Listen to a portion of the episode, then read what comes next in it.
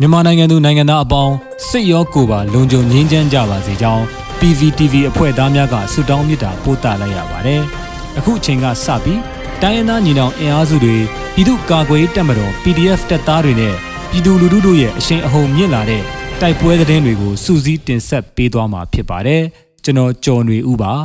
။ပထမဆုံးတင်ဆက်မှာကတော့ ဖရူဆိုမှာစစ်တပ်နဲ့ကရင်နီပူးပေါင်းတပ်များတိုက်ပွဲဖြစ်ပြီးစစ်ကောင်စီဘက်မှ6ဦးသေဆုံးတဲ့တဲ့ထဲမှာကရင်နီပြည်နယ်ဖရူဆိုမြို့နယ်ကဒါလာကြီးရွာနီမှာအကြမ်းဖက်စစ်ကောင်စီတပ်နဲ့ကရင်နီပူးပေါင်းတပ်ဖွဲ့များအကြားအေဗီလ3ရက်နဲ့4ရက်များမှာတိုက်ပွဲများဖြစ်ပွားခဲ့ပြီးစစ်ကောင်စီဘက်မှ6ဦးသေဆုံးခဲ့ကြောင်းကရင်နီအမျိုးသားများကာကွယ်ရေးတပ် KNDF တပ်ရင်း15ကသတင်းထုတ်ပြန်ထားပါတယ် စစ်ကောင်စီတပ်ဟာအေဗီလ9ရက်နေ့မှာငွေတောင်ရွာသစ်ရှိအများပြည်သူနေအိမ်များကိုဖောက်ထွင်းခိုးယူကာမီးရှို့ဖျက်ဆီးခဲ့ကြောင်းသိရှိရပါတယ်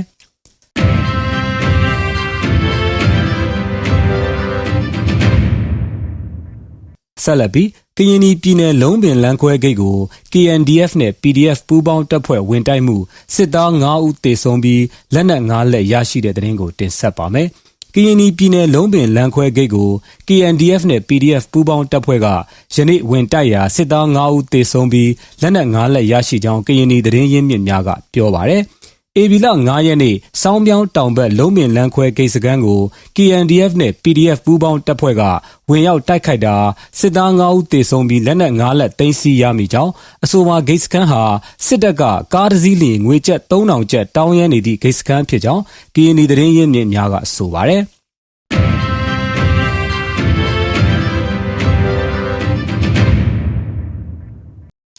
လေးကေကော်မှာစနိုက်ပါပြည့်၍စစ်သား2ဦးသေဆုံးတဲ့တဲ့ရင်ကိုဆက်လက်တင်ဆက်မှာပါ။ကရင်ပြည်နယ် KNU တပ်မဟာ6နယ်မြေလေးကေကော်မှာစစ်ကြောင်းထိုးနေတဲ့စစ်ကောင်စီတပ်ကို KNL နဲ့ PDF ပူးပေါင်းတပ်များကလက်ဖြောင့်စနိုက်ပါဖြင့်ပစ်ခတ်ရာအကြမ်းဖက်စစ်သား2ဦးသေဆုံးသွားကြောင်းကော်ဘရာစစ်ကြောင်းကသတင်းထုတ်ပြန်ထားပါတယ်။ AB လ4ရက်နေ့ည9:00နာရီဝန်းကျင်အချိန် မြောက်ဒီဝေါ်လီကားလမ်းမအနီးလေးကေကော်ဒေသမှာစစ်ရေးလှုပ်ရှားနေတဲ့ကော်ဘရာစစ်ကြောင်းကိုဆွဲတော်ကုန်းအမြောက်ကုန်းရှိအကြမ်းဖက်စစ်ကောင်စီတပ်ကလက်နက်ကြီးဖြင့်၄ချိန်ရန်တမ်းပစ်ခတ်ခဲ့ကြောင်းကော်ဘရာစစ်ကြောင်းဘက်မှထိခိုက်ကြဆုံးမှုမရှိခဲ့ကြောင်းကော်ဘရာစစ်ကြောင်း၏သတင်းထုတ်ပြန်ချက်အရသိရှိရတာပါ။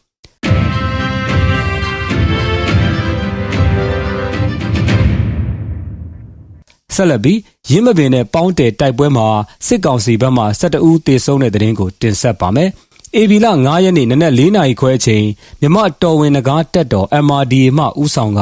ချင်းတွင်းတော်လှန်ရေးတပ်ဖွဲ့ CRF ကြောက်လုံးကြီးအဖွဲ့ KLG တို့ရဲ့ပူးပေါင်းပါဝင်မှုဖြင့် ရင်းမပင်မြို့နယ်ဗန်ပွေးရွာအနီးမှာစခန်းချပြီးမုံရွာရာကြီးလန်းခီးသွွားကားများနဲ့အနီးပတ်ဝန်းကျင်ဒေသခံလူထုအပေါ်အနိုင်ကျင့်နေတဲ့စစ်ကောင်စီနဲ့ပြူစောတိစခန်းကိုဝင်စီးနှင်းပစ်ခတ်တိုက်ခိုက်ခဲ့ရာစစ်ကောင်စီတပ်သား9ဦးသေဆုံးပြီး15ဦးအပြင်းထန်ဒဏ်ရာရရှိကြောင်းမြမတော်ဝင်နဂါတက်တော်ခေါင်းဆောင်ဘိုးနဂါကတရားဝင်သတင်းထုတ်ပြန်ထားတာပါ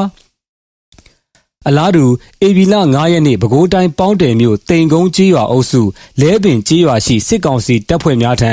ရိတ်ခါထောက်ပံ့ပြီးပြန်လာတဲ့စစ်သားအင်အား10ဦးပါအုပ်စုကိုငရှိကွင်းကြီးရွာအနီးမှာ PKI PDF ကတိုက်ခိုက်ရာစစ်သား2ဦးသေဆုံးကြောင်းပေါင်းတယ် PDF ကတရားဝင်သတင်းထုတ်ပြန်ပါတယ်။